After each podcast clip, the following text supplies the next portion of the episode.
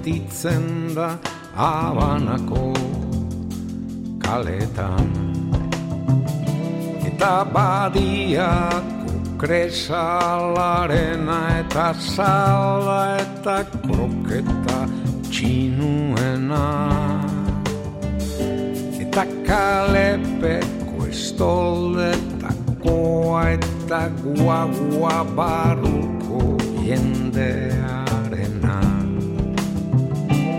eta kedarren eta kafesnearena eta automobilen kearena. Uaia pastela bezain goxua moriua bezain zoroa Os saludamos desde la Casa de la Palabra. Estamos preparados para editar dos entrevistas recogidas del archivo del programa.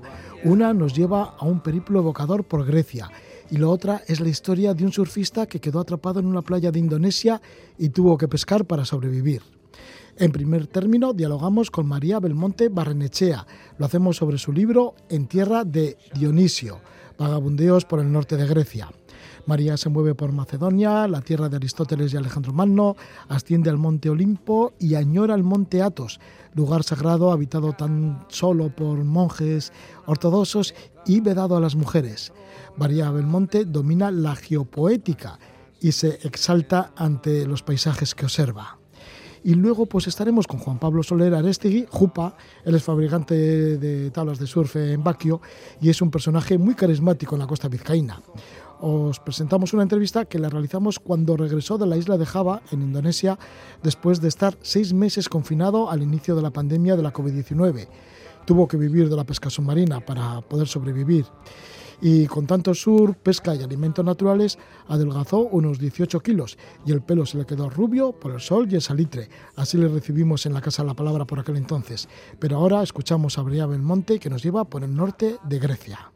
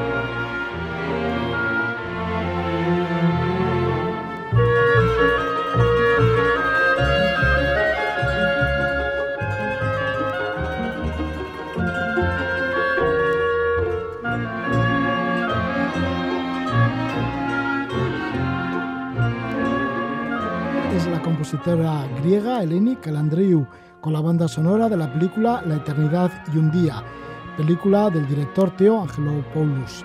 Y es que a María Belmonte le gusta muchísimo esta banda sonora y por supuesto también las películas de Teo Angelopoulos, que muchas de sus películas pues, se basan en, en Macedonia, en la parte norte de Grecia, y hacia allí nos va a llevar María Belmonte. María Belmonte Barrenechea nos vuelve a hacer viajar con la evocadora lectura de su tercer libro y el segundo sobre Grecia. En esta ocasión, pues sí, es Macedonia, al norte del país helénico. Nos ilustra sobre su historia, sus ruinas, sus encantos. Llevados de su mano, se nos va revelando una tierra melancólica y misteriosa, llena de rincones que le dejan a la autora ensimismada y exaltada. El resultado es este libro que lleva el título de En tierra de Dionisio, Vagabundeos por el norte de Grecia, un relato a caballo entre la historia, los viajes, la antropología y la literatura. María Belmonte ofrece su propia visión de la Macedonia griega con su forma de hacer geopoética personal. También es el resultado de lecturas, de películas, de encuentros con personas que le esperaban o que el azar puso en su camino. María Belmonte Barrenechea nació en Bilbao, estudió historia en la Universidad de Deusto y antropología en la Universidad de Barcelona. En el año 1995 se doctoró en el Departamento de Antropología Social en la Universidad del País Vasco, en Donosti, con una tesis sobre la historia de las religiones. Y es autora de éxito porque tiene tres grandes libros de viajes que son Peregrinos de la Belleza, Viajeros por Italia y Grecia, este salió en el 2015, luego llegaron Los Senderos del Mar, un viaje a pie, esto en el 2017, sobre la travesía por el litoral vasco desde Bayona a Cobarón, y ahora viene En Tierra de Dionisio, vagabundeos por el norte de Grecia. Le damos la bienvenida a María Belmonte. Muy buenas noches, María. Eh, muy buenas noches, Roge.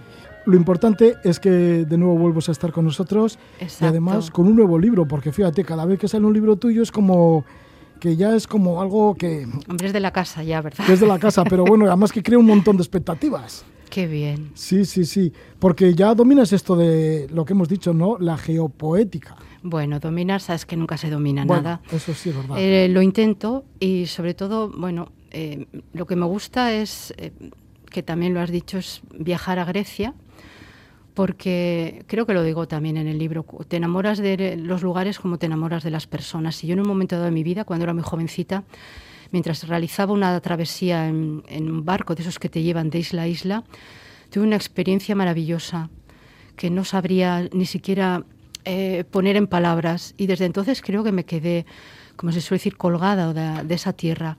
Y desde entonces me, me, ha gustado viajar allí y cada vez es, pues, es distinto y, y no sé por qué hay algo en ese país o en ese paisaje que me depara unas, un tipo de experiencias que no me pasa en ningún otro sitio. Entonces reincido, como tú has dicho, con Grecia y esta vez con, con Grecia del Norte. Estos recuerdos de estudiante era cuando ibas de la isla de Amargos y también por la isla de Naxos. Te lo sabes todo. Sí, bueno, porque lo nombras en el libro, ¿no? Que... Pues es verdad, iba de la isla de Amorgos, que es una isla maravillosa, muy poco frecuentada, donde se rodó una película muy famosa francesa, El Gran Azul, sobre gente que bucea a pulmón sin, sin, ayuda. Jacques Mayol. Sí, que batió el récord del mundo para aquel entonces de profundidad. Y yo no fui por eso a la isla, ¿eh? pero caí por allí, no sé por qué. Y mientras estaba viajando efectivamente de esa islita Morgos a Naxos, de repente ver aquel paisaje que no era más que un mar poblado de, islas que surgían así ¿no? en el horizonte, tuve una experiencia maravillosa que no, no lo he logrado olvidar. Entonces vuelvo y vuelvo y vuelvo. Y bueno, y cada vez me gusta más. Sí, y esta vez no por la Grecia. No por islas, sí. Por islas, ni la Grecia del Sur, sino la isla del norte. Exacto. dicen que es como más misteriosa, como que es más, quizá árida, no lo sé. Bueno, no, lo del misterio, eso yo creo que lo pongo yo. Más, más misteriosa quizá en el sentido, por lo menos era para mí, porque era muy, muy, era desconocida. Entonces lo desconocido siempre te resulta más misterioso. Yo siempre había viajado por Grecia, pero como casi todo el mundo, me quedaba por el Peloponeso, viajaba por las islas, luego por la Grecia continental. Y yo había subido al Monte Olimpo, que, forma parte de Macedonia, pero ni siquiera sabía que era Macedonia. O sea, no. Y cuando buscaba sobre qué voy a escribir mi tercer libro y me apetecía volver a Grecia, me vinieron unas palabras de mi profesora Clery, Clery Scandami, que nos dijo hace ya quizá hace 20 años, cuando yo estudiaba griego moderno en Barcelona, nos habló de otra Grecia, nos dijo, existe otra Grecia que no sale en las guías turísticas, que no está bañada por el sol, que no es la Grecia de los filósofos y de las estatuas, y, luego hizo una pausa muy teatral y añadió, es la Grecia de Teo Angelopoulos. Teo Angelopoulos es un director griego que murió, me parece que en 2011, atropellado en Atenas por una furgoneta mientras rodaba una película sobre la crisis griega, la crisis en su país.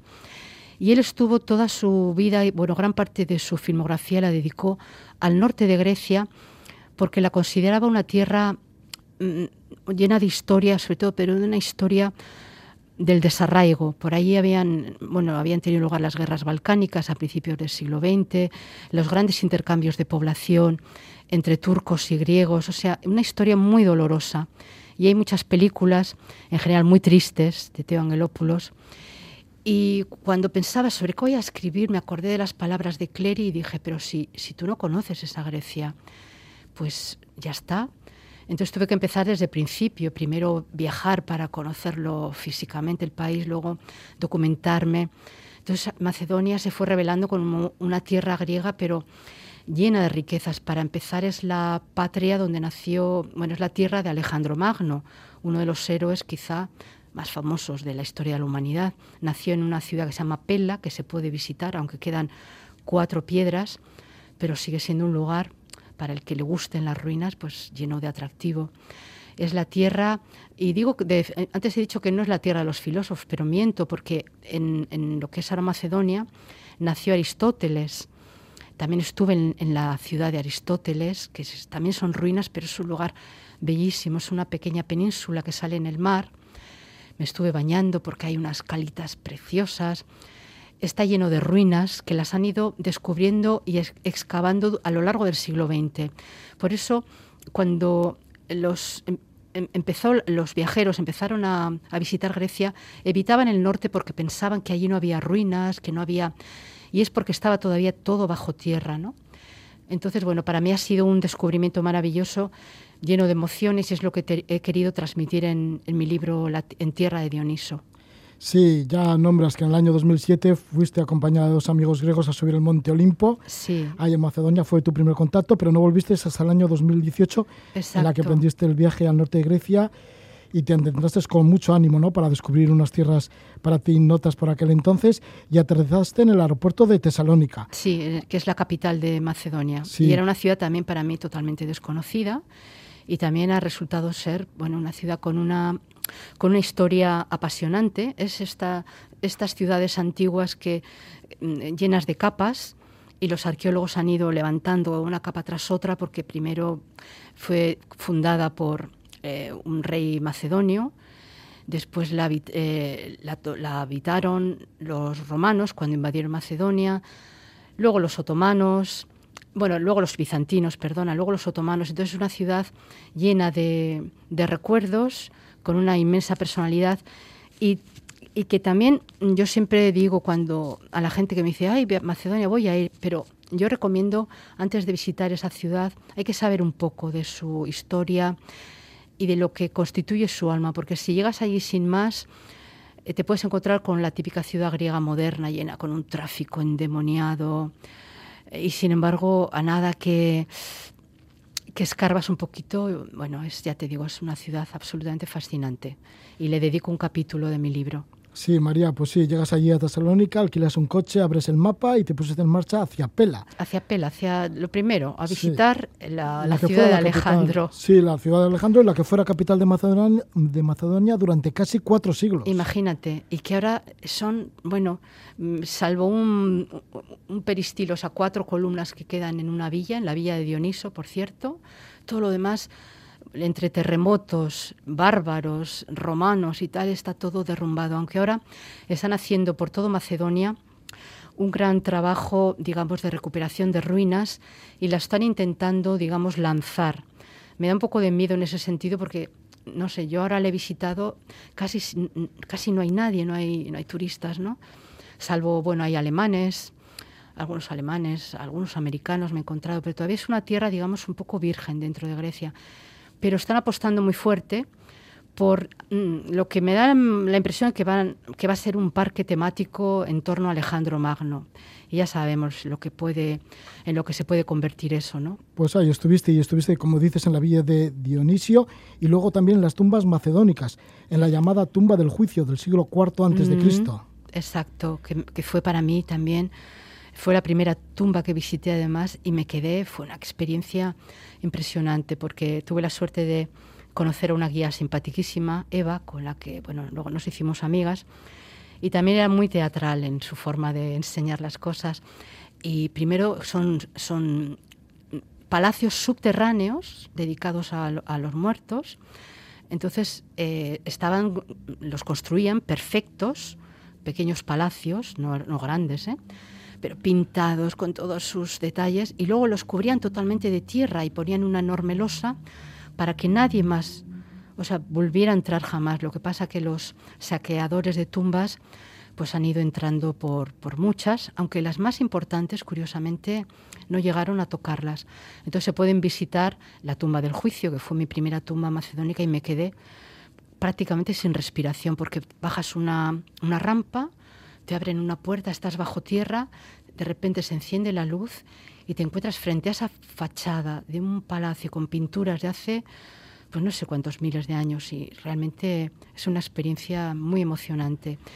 Y luego está la tumba, la más famosa de todas, en Macedonia, que es la de Filipo II, el padre de Alejandro, que también es otra experiencia maravillosa. Es un túmulo muy grande, subterráneo, muy bien acondicionado para la visita, que no ha perdido nada del misterio y realmente fue iba de descubrimiento en descubrimiento. Ha sido un viaje o unos viajes muy muy gratificantes.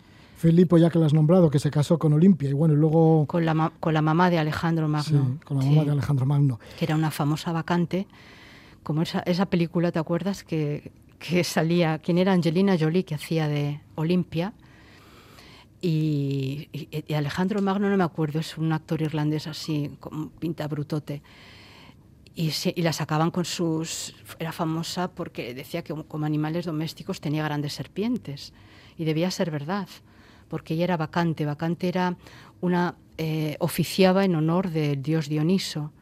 Entonces eran unos ritos mm, dionisíacos que yo creo que para nuestra mentalidad sería algo francamente extraño, ¿no? Porque se drogaban, sobre todo eran grupos de mujeres que, tomaban drogas, no, no, se, no se sabe exactamente si sería belladona, como también creo que tomaban las brujas, las famosas brujas nuestras del País Vasco, y bueno, entonces salían enloquecidas por ahí y se cuenta de ellas que irrumpían en poblados, incluso cogían niños, los desmembraban, o cabritos, o lo que sea. O sea, quedan unos, unos registros de, los ritos dionisíacos espeluznantes, y es lo que recogió Eurípides en su famosa obra Las Vacantes, que la escribió precisamente en Pela, invitado por el rey no me acuerdo si era Argelao de, Macedonia.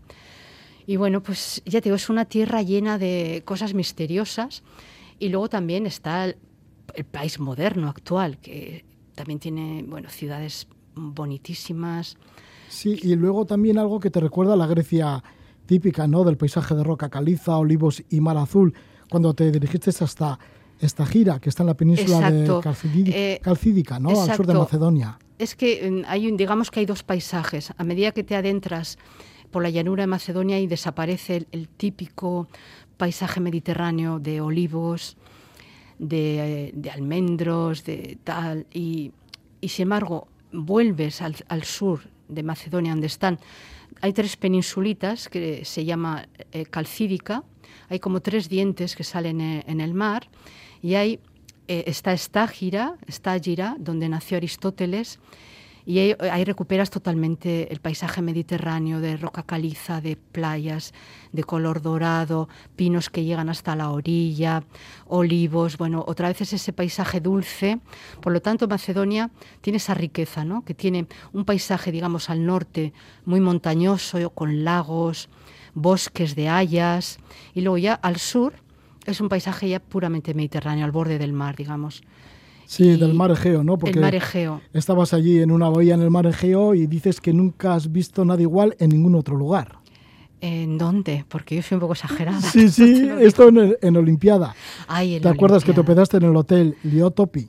Ah, en el Hotel Liotopi, por favor, qué bonito, con la señora Lulu y su marido Andreas. Sí, sí, que todo resplandecía bajo el sol aquella mañana. Claro, es que yo llegué con una lluvia porque eh, no sé si era era finales de, era otoño, y llegué, estuve con mucha lluvia muchos días y cogí un autobús hasta Olimpiada, que está en, en Calcídica, en este paisaje que hemos dicho, que ya en, el borde del Egeo, y llegué, pero el autobús a veces tenía que parar casi porque la carretera estaba inundada. Yo decía, madre mía. Entonces cuando, cuando llegué a Olimpiada estaba negro, llovía. Entonces me fui directa a la habitación, no quise ni, ni mirar porque ya estaba oscuro. Y sin embargo, al día siguiente me levanté, corrí la, bueno, abrí las contraventanas, bueno, y me encontré con ese paisaje soñado de la Grecia eterna, ese cielo con un azul que digo, como no lo has visto en ningún otro lugar, ese azul. Frente a mí estaba el mar, junto al mar había una, eh, ¿cómo se dice? Una ermita, una iglesita bizantina, el paseo marítimo, bueno, me quedé prendada. Entonces, bueno, ya empecé ahí unos días maravillosos en el Hotel Liotopi, que es un sitio monísimo al que espero volver, desde luego. Sí, la verdad que si lo lees es que dan ganas de ir Te dan ganas, ¿verdad? Eso me ha dicho mucha gente. Ay, voy a ir, pues mira. Y tanto para tener esas sensaciones, ¿no? Y luego también esto vives, por ejemplo, en Dion, la ciudad sagrada de los reyes de Macedonia, que tiene una arboleda consagrada a Zeus. A Zeus. Bueno, es que Dion eso es una, era, era, la ciudad sagrada de los reyes de Macedonia. Está, imagínate, al pie del monte Olimpo y muy cerca del mar. Entonces, tú es que caminas por allí, entre las ruinas, eh, quedan ruinas de los antiguos baños, de los templos. Todo es un enorme, ahora han hecho un enorme parque, está lleno de fuentes. Y levantas la mirada y tienes al fondo como telón el Olimpo. Entonces, bueno, es un paisaje realmente inolvidable, de los más bellos que, o de los yacimientos arqueológicos, yo creo que más bellos de Grecia. Y también como está al norte, pues mm, es, menos visitado, lo cual por otro lado es maravilloso, ¿no? Yo pasé una mañana allí prácticamente en soledad. También eh, era fuera de temporada, que eso es otra cosa que también siempre recomiendo, ¿no? Me dice, es que está lleno de gente. Bueno, pues igual agosto hay que evitarlo, y si puedes, pues tienes la suerte de poderte ir en primavera, es la mejor época para viajar a Grecia, porque el campo está lleno de flores de, todos los colores. O si no, pues en otoño, ¿no? Pero bueno, eh, si, si hay que ir en agosto, pues, pues ¿qué le vamos a hacer? Pero ya, si no tenemos remedio. Pero bueno, aquí estamos con María Belmonte. María Belmonte, que es una enamorada de Grecia y nos está hablando de su tercer libro que lleva el título de En tierra de Dionisio vagabundeos por el norte de Grecia, en concreto por Macedonia. Y un lugar al que de momento no puedes llegar ni tú ni otras mujeres es al Monte Athos. Pero como está en Macedonia lo tienes que nombrar. Además es un lugar que te fascina muchísimo, ¿no? es un territorio monástico reservado solo para los hombres. Lo tengo que nombrar porque no sé por qué, Roge, el Monte Athos, hasta mi marido se, se reía de esto, ¿no?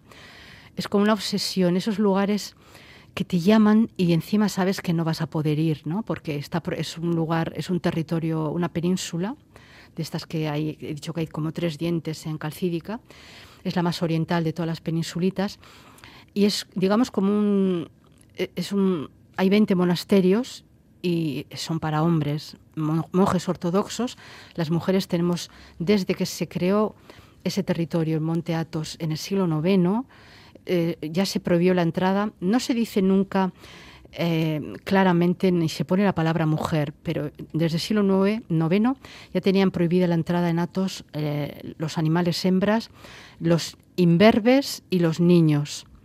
Entonces las mujeres se supone, bueno, nunca han podido entrar allí y bueno, es un lugar que me volvería loca a visitar porque eh, si eres hombre entras, te dan permiso, me parece que solo te dejan de estar tres días si no eres ortodoxo, si eres católico o de otra religión. Pero si no, los hombres ortodoxos pueden estar, yo creo, allí diez días y viajar de monasterio en monasterio. Allí te dan cama, te dan de comer.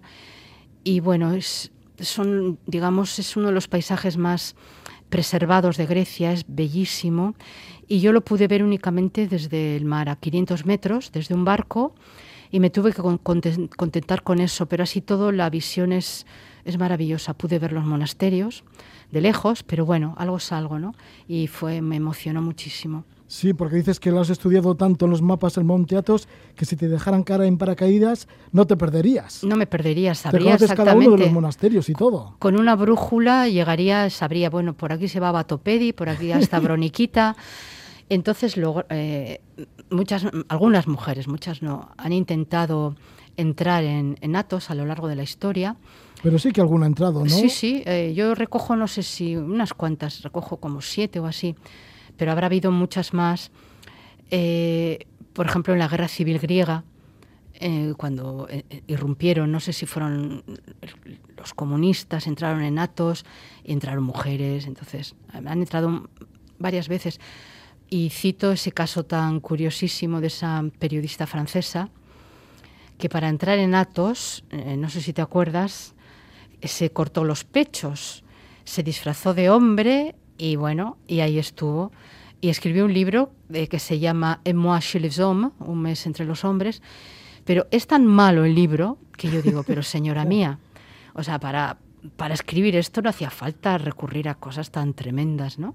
Porque lo lees y es tan malo que dices, esta señora ni siquiera ha estado. Porque no cuenta nada interesante, más que que un monje jovencito intentó ligar con ella, porque pensaba que era un chico joven. Entonces, bueno, y así, y luego entró, entró alguna mm, emperatriz, pero como no se podía pisar el, terreno porque es, sagrado, y su marido, el emperador, la hizo llevar en, sillas de estas, de, eh, ¿cómo se llaman? En andas, todo el tiempo, ¿no? Y bueno, casos así ha habido, unos cuantos. Pero bueno, yo lo vi desde el mar y, y, me pareció maravilloso. Y si fuera hombre, vamos, es que... Ya estabas en el Monte Athos. Ya estaba en el Monte Athos. sí, sí. Bueno, y además en su, en su cumbre, ¿no? De 2033 Ay, es exacto. ¿Qué tanto te gusta subir también montes? Exacto, y, poder subir a esa montaña, que imagínate, es una montaña... El, el, otro día me lo preguntaron, y fíjate, no me acuerdo si tiene 3.000 o 2.000, pero bueno, así todo, con esa altura al borde del mar, bueno, es una montaña impresionante. Sí, en el libro son 2033 lo que Ah, vale, pues son 2033. Pero tú imagínate que es subir desde, desde nada, desde, desde el borde del mar, o sea que es, un desnivel brutal, ¿no? Y bueno, me encantaría. Pero bueno, he visto documentales en YouTube, gente que sube, luego veo lo que se ve desde la cima. Me voy, como, como puedo, me voy contentando, ¿sabes? Sí. Y también, ya casi al final del libro, nombra las demás Macedonias, porque sí, tú paseas por la Macedonia al norte de Grecia, pero también está la Macedonia del norte, que es independiente, que son eslavos, también la Macedonia de Perín, en territorio búlgaro, o otros territorios minúsculos, ¿no? En la hmm. parte de Albania y otro en Serbia. Exacto. Bueno, es que la palabra Macedonia ya, ya sabes que también lo cuento, que en, al final, en el siglo XIX había tantos conflictos relacionados con Macedonia, ya fuera Grecia, porque claro, en, en aquella época era territorio otomano, y los, las fronteras de, esta región estaban cambiando continuamente. Había tantos conflictos que salía muchísimo en la prensa. Y un cocinero francés eh, es el que inventó en el siglo XIX el postre de la Macédoine, que es un montón de frutas diferentes, todas juntas, o, de verduras o lo que sea, ¿no? Entonces ya nos da idea de el, digamos, la variedad que había allí de etnias, de religiones, de idiomas y tal. Entonces, la Macedonia griega actual, del norte de Grecia, se unió a Grecia únicamente, me parece que es en 1912, después de la Segunda Guerra Balcánica. O sea que, digamos que antes pertenecía al Imperio Otomano. Y luego en 1991 cuando se desmembró el, país llamado Yugoslavia, se creó allí una república y le pusieron el nombre de Antigua República Comunista de Macedonia. Entonces ahí empezó un conflicto, digamos, diplomático entre ese nuevo país y Grecia, porque se sintió que le estaban utilizando, primero, porque no se les ocurrió otra cosa que utilizar la bandera para su nuevo país, la bandera de los reyes de Macedonia, de, Filipo y de Alejandro, el llamado Sol de Bergina. A, su aeropuerto lo llamaron Alejandro Magno, en fin, empezaron a llenar todo el país de estatuas de Alejandro Magno. Entonces los griegos pusieron el grito en el cielo y hubo un conflicto que se resolvió, digamos, entre comillas, en 2018, cuando Chipras llegó a un acuerdo con el primer ministro de, de, Macedonia y se cambió ese nombre a Macedonia del Norte, que vamos, tampoco es que haya contentado a mucha gente, pero bueno, ahí está, ¿no? Y, luego, cuando investigaba para este libro, eh, descubrí que no hay esas dos Macedonias, sino que hay tres más. Imagínate, hay una en, en Albania, hay otra en Serbia y otra se llama Macedonia del Pirin, que si ah, no sé ni dónde está, no sé si es Bulgaria, o sea que sigue siendo un follón. Y si tú vas a Wikipedia y pones Macedonia, bueno, te aburres, porque ya te dice, el primer párrafo dice, habla de la complejidad del tema. Entonces, bueno, dices, muy bien.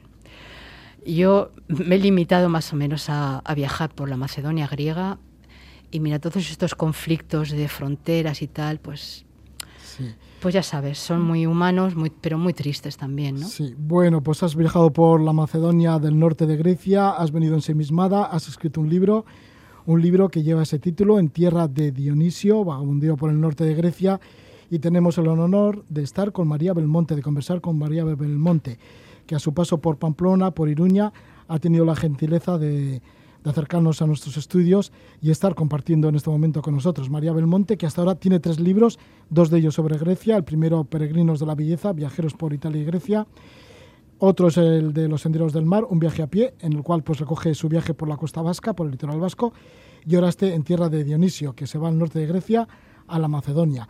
Pues muchísimas gracias, María Belmonte, por estar este rato con nosotros. Pues muchísimas gracias, Roge, por invitarme. Sí, hay que decir que el libro lo edita, los, y como los demás libros, acantilado. Exactamente. Muchas gracias, Roge. Gracias, María Belmonte. Agur, agur.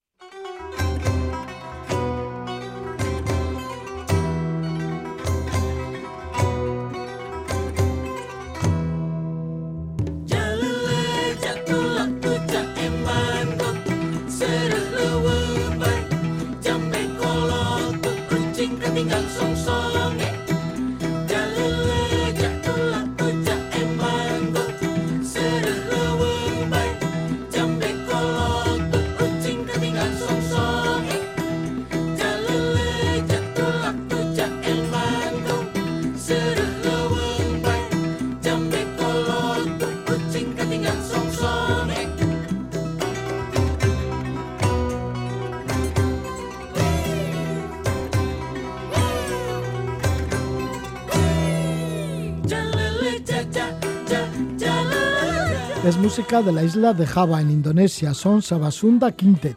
Y estamos con Juan Pablo Soler Arestegui, Jupa, más conocido como Jupa. Él es fabricante artesano de tablas de sur con taller en Baquio. Alguna vez ya ha estado por aquí, por el programa de la Casa de la Palabra, por ejemplo, cuando nos habló de su estancia de siete meses en Hawái, esto era el año 1987 y allí estuvo pues construyendo tablas y además probaba el mismo deslizándose por las míticas olas de Papen Line, de Sunset y ahora nos va a hablar de su estancia en la isla de Java. Hay que decir que ya en Indonesia estuvo anteriormente, esto fue en el año 1986 y allí disfrutó muchísimo, encontró un paraíso en Bali, pero bueno, esta vez ha ido a Bali, parece ser que no le ha gustado mucho, muy masificado y así que se fue a la isla de Java hasta llegar a un, a un lugar que se llama Windy Awu en donde encontró una especie de paraíso y además se prolongó, porque iba para dos meses y medio, se prolongó el tiempo y estuvo seis meses y quince días debido al confinamiento. Allí se vio atrapado, pero bueno, aprovechó eh, Jupa pues, para seguir haciendo surf, para tocar con la flota transversera, porque se fue con la tabla y la... Bueno, la tabla la, la alquiló allí.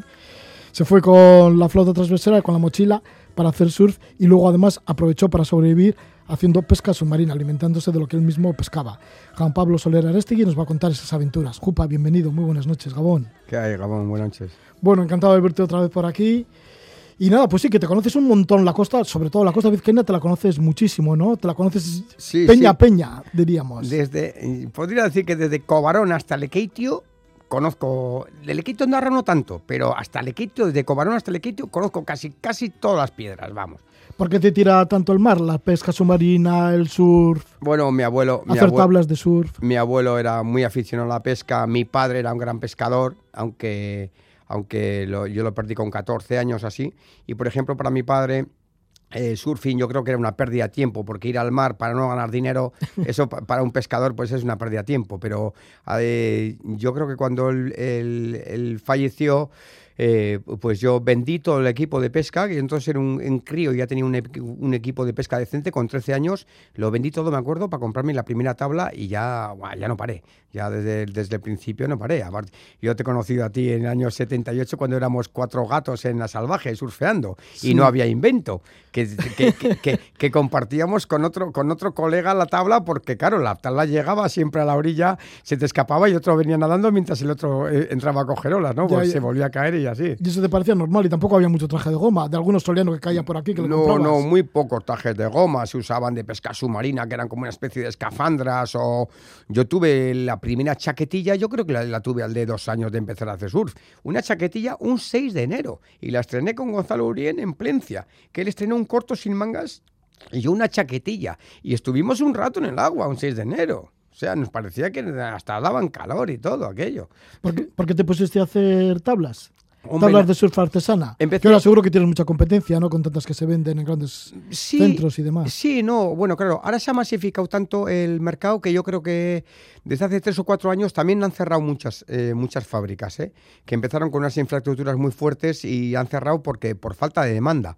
Aparte que ahora todo el mundo hace surf, pero también hay otro tipo de tablas que son como más, eh, eh, más blanditas, hechas a máquina y son más impersonales, por así decirlo, y son las tablas que más se venden ahora mismo. Pero bueno, está el mundo de la reparación, yo he reparado barcos, eh, he hecho cosas en fibra de todo tipo, he hecho hasta desagües de, de alambiques de chacolí, yo qué sé, he hecho de todo en fibra, he hecho canalones para eh, comederos de gallinas, he arreglado tejados con poliéster, con fibra, he hecho un poco de todo. Entonces, pues diversificas el curro y así pues más o menos eh, sigues, sigues teniendo algo de trabajo, vamos.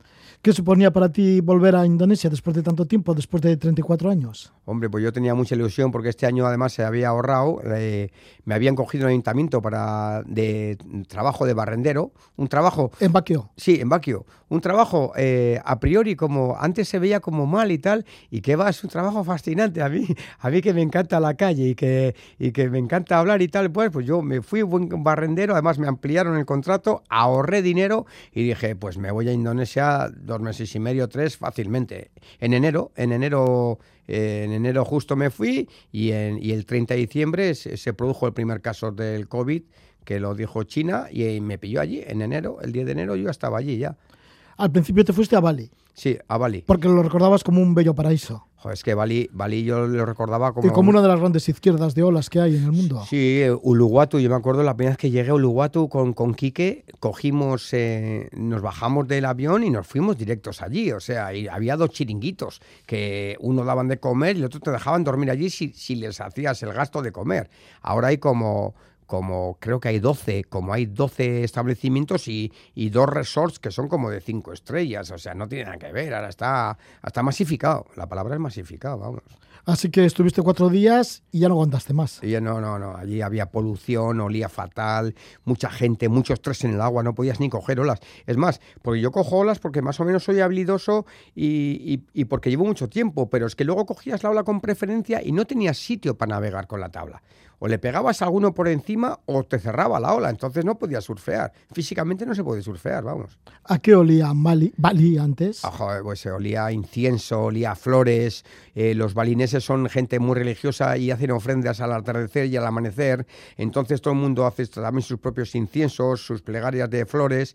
Y Practican la religión hinduista. Sí, bueno, eh, eh, hinduista y, otra que hay solo en Bali, además. O sea, es una derivación del hinduismo y del budismo, y los balineses son dentro de, Indonesia, son como un poco independientes con respecto a la, a la religión. Sí, porque los demás son musulmanes. Eh, sí, y cristianos, ¿eh? También hay muchos cristianos. De la iglesia de Pentecostés. De, de Pentecostés. Sí, esto sí. Sí, que es como una secta así, que creen, eh, que creen en, Jesús, pero no en la Virgen o una cosa así. Eh, no sé, no sé, no lo sé, no sé muy bien. No, me lo intentaron explicar, pero como el indonesio tampoco, el javanés no lo entendía yo muy bien, no, no lo acabé de yo de entender ya que yo muy bien. Vamos. Así que bueno, que el caso es que te fuiste de Bali, ya no olía como antes, olía bastante peor, ¿no? olía, olía de vamos, olía, los, estaban todos los, ríos contaminadísimos, estaba lleno de plástico la isla, era, era, bueno, era la verdad que caótico, caótico. ¿Por qué terminaste en la isla de Java? De Java, pues bueno, eh, fui con, con Paco, un colega, que a su vez conocía a otra gente.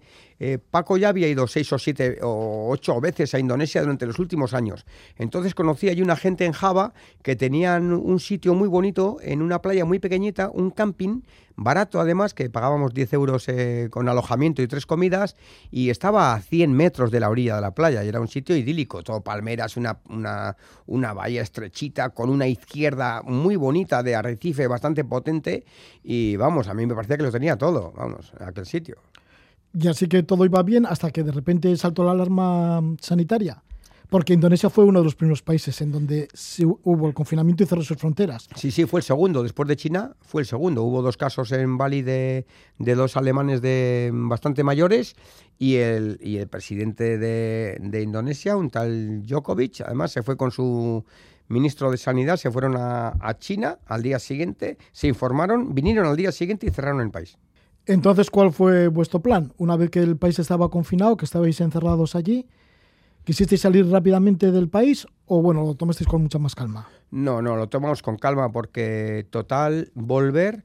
A mí todo el mundo me decía que no volviésemos aquí, que la situación se estaba poniendo cada día peor, que había una psicosis de mascarillas, había como una incertidumbre que, que vamos, que, que, no, que, no, era nada buena. Y además allí la gente reaccionó como muy tranquila la cosa. Y como también había una cosa del aspecto de la vitamina D, que se suponía que, que, el sol te da vitamina D y te ayuda mucho para matar gérmenes, virus y todo esto, pues decíamos, joder, es que no vamos a volver ahora al marzo con un frío de la leche. Eh, en, Indonesia, en Indonesia, mejor que en Indonesia, no íbamos a estar en ningún sitio, vamos, yo tenía clarísimo al principio. Ya has tenido mucha vitamina D, porque estás muy moreno porque ya está rubio, será del sol y el salitre. Claro. Y además de esto se adelgazó bastante. Sí, sí, me he quitado casi 20 kilos. Yo fui allí con un barrigote, con bigote y con la, la verdad que una medio depresión cuando cumples 55, ya estás en la tercera edad. Dentro del surfing estás en la tercera edad, vamos. Yo, yo fui para allí con un bajón de, de, la leche. Pero allí me fui animando, fui, me reencontré otra vez con la pesca submarina, fui haciendo mis ejercicios de respiración, eh, mis, mis, eh, mis ejercicios con la flauta, e intentar hacer respiración circular, que lo conseguí alguna vez, y la verdad que me fui abriendo el pecho, abriendo el pecho, y estuve bajando 20 metros, o sea, casi todos los días podía bajar 20 metros. ¿Bajabas 20 metros y cuántos minutos estabas metido dentro Casi dos minutos, 2.20, 2.30 algunas veces. 2.30 los conseguía como a 8 o 10 metros, y a 20 metros pues andaba en un minuto 15, en un minuto 20, a 15 metros, y así los bichos se te acercan.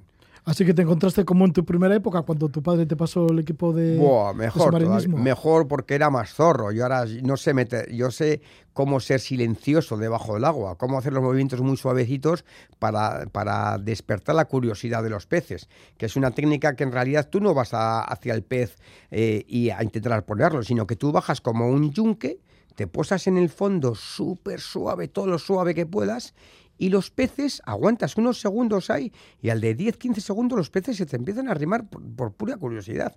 Y entonces cuando los disparas y los coges. ¿Qué peces has pescado? ¿Algunos eran grandes? Sí, sí, he pescado unos bichos de 30, 35 kilos. Pues eh, palometones, peces limón, el famoso Carangidus innobilis que allí le llaman Giti, es un bicho que, bueno, también me llevaron varillas, me rompieron cuerdas, me llevó un fusil, o sea, también he tenido mis, mis problemillas con, con ellos. También he tenido algún riff y rafe con algún tiburón que me chuleó la pesca, porque yo la pesca no la llevaba colgada en el cinturón, sino que la ponía en una tabla de surfing, que llevaba amarrada al fusil.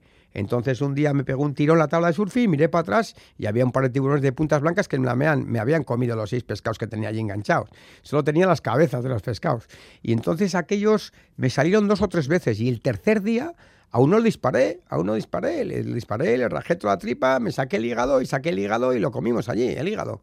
Eh, fileteado fino y empanado con, con pan rallado. Hígado de tiburón. Y no es malo, ¿eh? Ya, o sea que los tiburones se ponían fuertes también. Sí, sí, sí. Se claro, ponían, tenía su pesca, claro, su, alimento. Lo que pasa es que ellos eran muy oportunistas, en vez de, porque ellos pueden comer eh, lo que les dé la gana, porque un tiburón tiene un, tiene un control debajo del agua, es como el Fórmula 1 de los peces. Pero ellos son oportunistas porque a mí ya me habían visto varios días. Y entonces ya dijeron, joder, ¿para qué vamos a andar corriendo si este tío nos pone el bufete ahí, ¿no sabes? Y la verdad que me chulearon dos veces la pesca, dos veces, ¿eh? La tercera vez ya no. Ya, ¿y no les temes a los tiburones? Pues sí, no. Con un fusil de 100, con doble goma y eso en la mano, un tiburón, eh, tú también te conviertes un poco en tiburón. O sea, si le das al hígado, que me dijo un colega mío de Cádiz, Perico, me dijo, tírales en el hígado y tal, que donde... Y en el hígado, la verdad que a un tiburón le haces daño, ¿eh? Lo matas rápido, más o menos rápido. Si le das en la cabeza del lomo, no le haces nada de daño. Pero si le das en el hígado, sí, sí lo matas rápido, sí. Jupa, así que la pesca te sirvió para sobrevivir esos meses en Indonesia, esos meses que estabas de más confinados allí. Sí, sí, llegué hasta ahorrar un poquito y todo. Llegué hasta ahorrar un poquito, 170 o 180 euros, que allí es un dineral. ¿En dónde te hospedabas? Porque también estabas como de guarda de seguridad sí, en, un camping. en el camping donde estuve al principio, como la pandemia hizo cerrar los negocios, pues cerraron el camping también. Y entonces el dueño del camping, colega mío ya como hermano, me dejó quedarme allí con él. Y entonces, eh, pues nada, él no me cobraba nada por el hospedaje y yo, y yo llenaba de pescados del congelador, vamos. ¿Te relacionaste también con los lugareños? ¿Que te has convertido en un jabanes más? ¿Que sientes que eres un jabanes más? ¿Que tienes ganas de, regresar cuando puedas? Y es que hasta tuviste hasta tres motes. Sí, sí, bueno, al principio me llamaban Mr. Yupa, luego Master Yupa, me y luego me terminaron llamando eh, Silumán, Silumán de Lauz.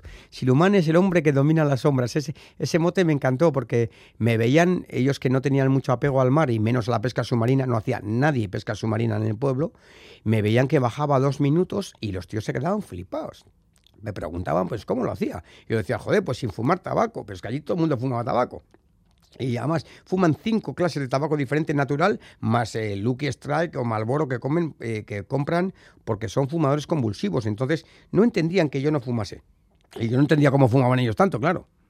Un hombre extranjero tiene enamoradas allí? Después de que te quedas tanto tiempo, pues, pues ya estarías muy eh, fichado, pues ¿no? sí, la verdad que sí, las mujeres tienen, las mujeres son bellísimas, o sea, son guapísimas. Y encima, eh, para los vascos que somos un poco sosos, así hay que decirlo, para ligar, bueno, yo tengo mucha jeta tal, pero a mis 55 ya tienes poco abanico de posibilidades, pero sí, sí, hubo alguna que me, que me dijo que a ver si le enseñaba a nadar y yo le enseñé a nadar y ella me enseñó de todo, vamos. Y me llevaron a unas cataratas eh, idílicas de, de la playa de Y bueno, y allí ya, ya tuve mis romances, sí, sí. Sí, tuviste romances. Bueno, o sea que estabas metido en un lugar que, te ha hecho feliz, que te ha relacionado mucho con la gente, una gente que vive una vida sencilla quizá. Sí, muy sencilla. los jabaneses son muy prácticos.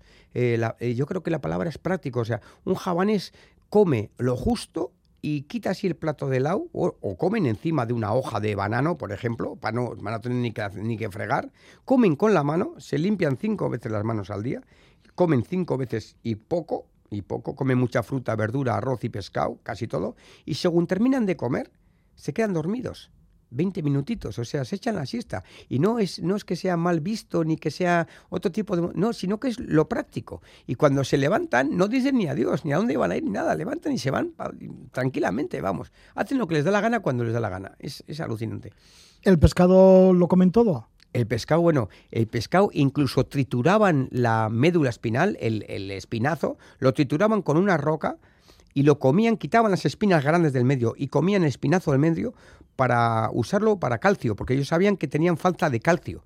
Y a uno le vi machacar eso y le dije, joder, tanta hambre tienes que estar machacando. Y digo, no, no, esto es para el calcio, porque a nosotros nos hace falta calcio, porque el plátano no, tiene calcio, tiene magnesio, el, el, esa tiene proteínas, esto tiene, pero no tenemos calcio y con las espinas sí tenemos calcio. Fíjate lo, lo que sabían. Viven entonces los javaneses con los que estuviste el día a día, por lo que estás contando. Eso es. ¿Y cómo era para ti ese día a día? Digo, porque también estarías pensando, bueno, ¿y qué está pasando allí en, en Baquio, con mi familia, con mis gentes? Bueno, pues eh, nosotros... Porque claro, estás viviendo una experiencia única, ¿no? Entre los javaneses, pues más de medio año. Sí, sí, sí. Aparte que era una, zona muy poco turística y algunos niños de eh, al principio salían corriendo cuando veían un blanco, ¿eh? Salían corriendo llorando. O sea, no habían visto un blanco en su vida. Allí había habido muy pocos, muy pocos eh, turistas. Y más con pelos, que tienes un montón de pelos. Sí, yo, yo soy muy peludo. Entonces ya cuando veían el el, pelo en el pecho y eso flipaban, porque allí casi no tienen pelo. Y, pero a ellas les gustaba muchísimo, por ejemplo, a las mujeres les encantaba, el pelo en el pecho les parecía, vamos, la bomba, sí, sí. Y, bueno, yo tenía bigotón al principio, luego me lo quité, pero al principio yo tenía un bigotazo muy, muy grande y el bigote también le llamaba muchísimo la atención, porque allí están toda la vida para dejarse bigote y tienen como una pelusilla nada más. Yo tenía un bigotazo, bueno, luego me lo quité porque tenía cara de, yo qué sé, de mexicano, de, no sé, tenía, sí. Sí, y no, lo que te decía, que tú sí que estabas feliz en, allí en Indonesia, pues cogiendo las olas, viviendo como, diríamos ya, como pescador profesional, de lo que pescabas.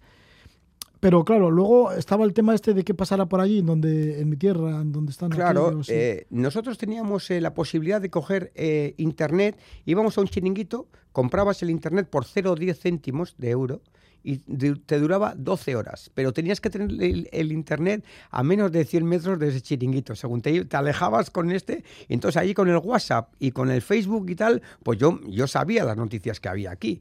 Y entonces pues, pues leía la prensa y leía cosas así. Luego me dejó de interesar, al principio sí por la novedad del Facebook y eso, pero luego cuando ya empezaba a tener 40, 60, 70 mensajes que todos más o menos eran repetitivos, ya me dejó un poco de interesar y me dije, mira, voy a, yo he vivido casi sin sin móvil toda mi vida y tampoco necesito estar al día a día de, las nuevas eh, tecnologías, ¿sabes? Además, lo importante es que tu familia estaba bien y entonces eso tú también es, bien, ¿no? Eso es, yo con comprobar que la familia estaba bien, que mi madre había estado, había estado fastidiada y ya le dieron de alta y tal y cual, y, y, mi, y mi hermana me pasaba buenas noticias, ya me quedé como muy... Claro, porque al principio es que es tan lejos, aquí estás a 26 mil y pico kilómetros y allí no puedes hacer nada porque estás allí confinado. Entonces, eh, vamos, es que ni rezar porque no soy, no soy eh, religioso no soy creyente, o sea, no soy religioso, pero ahora sí me he vuelto creyente. Ah, sí. Y sí, pero no en Jesucristo, sino yo creo que en creyente en el bien del prójimo. O sea, tú cuando ayudas al prójimo y te haces buena persona, eh, la buena suerte te acompaña. Y es así. Yo creo que es así, así de sencillo. Y es lo que creen los javaneses hay una religión que es javanesa que es así de sencilla. Hay algunos que no son musulmanes ni son cristianos, son javaneses. Y es una antigua, antigua religión que dice que es amar al prójimo y el prójimo te amará a ti y tendrás buena suerte. Y no hay robos, casi no hay robos. En las tiendas había tiendas que dejaban parte fuera del género, lo tapaban con un plástico y a nadie se le ocurría coger ni medio melón de allí. Y a nadie y no tenían candado, no tenían nada, no ponían nada, un plástico encima, para que no se mojase con la lluvia y al día siguiente nadie se había tocado nada. Alucinante. Las motos sin candado, por supuesto, y allí, vamos, no, allí no había robos. Así que has sido feliz en esos meses de confinamiento en la isla de Java. Sí, sí, la verdad que sí. He encontrado la felicidad, yo creo que casi por primera vez en mi vida, porque toda la vida aquí de pequeño siempre te meten el, el miedo de, ay, que te manchas, ay, que no llegues tarde, ay, todos son como parámetros de, de, ay, que no, que no, que no, que no. Pero es que allí es todo lo contrario. Allí eh, eh, vas a la mañana, ayudas a los barcos cuando están entrando en la mar, ya te regalan unos pescaditos, de allí vas a casa, tomas un café, echan una buena siesta, luego a la mañana hacen más o menos lo que les apetece, arreglan el jardín o reparan el tejado, tal cual. Luego al mediodía se rejuntan, al anochecer toman café, se vuelven a pescar a la noche y así. Es una vida como muy, muy plena, muy, no paran, no paran. Ese café que te has traído de allí. Sí, sí, me, he traído un kilo de café. El café de Malán es delicioso. Además, el café que me he traído yo es recolectado, secado y tostado por mí. Y ahora me falta molerlo en el bar de Pepe, ahí en Baquio, que me dice que me va a dejar molinillo y nada, tomarlo. Delicioso, vamos. Pues buen café, buen café, Jupa. Muchas gracias por estar con nosotros, Juan Pablo Soler Arestegui, que es el creador también de las tablas de surf artesanas que haces en el taller de, de Baquio, que son las Jupa Shapes. Bueno, pues que siga la racha y que vaya todo bien. Venga, muchas gracias, Roger.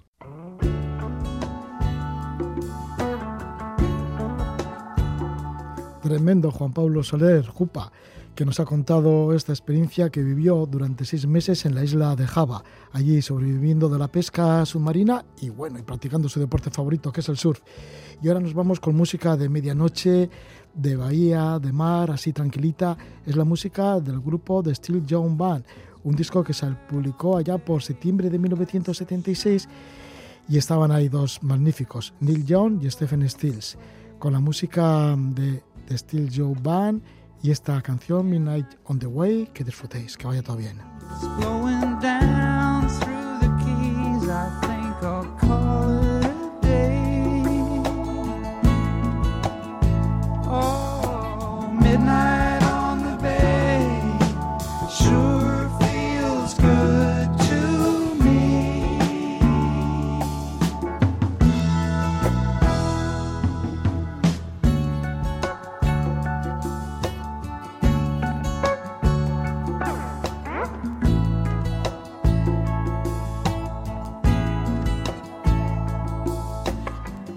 This I see?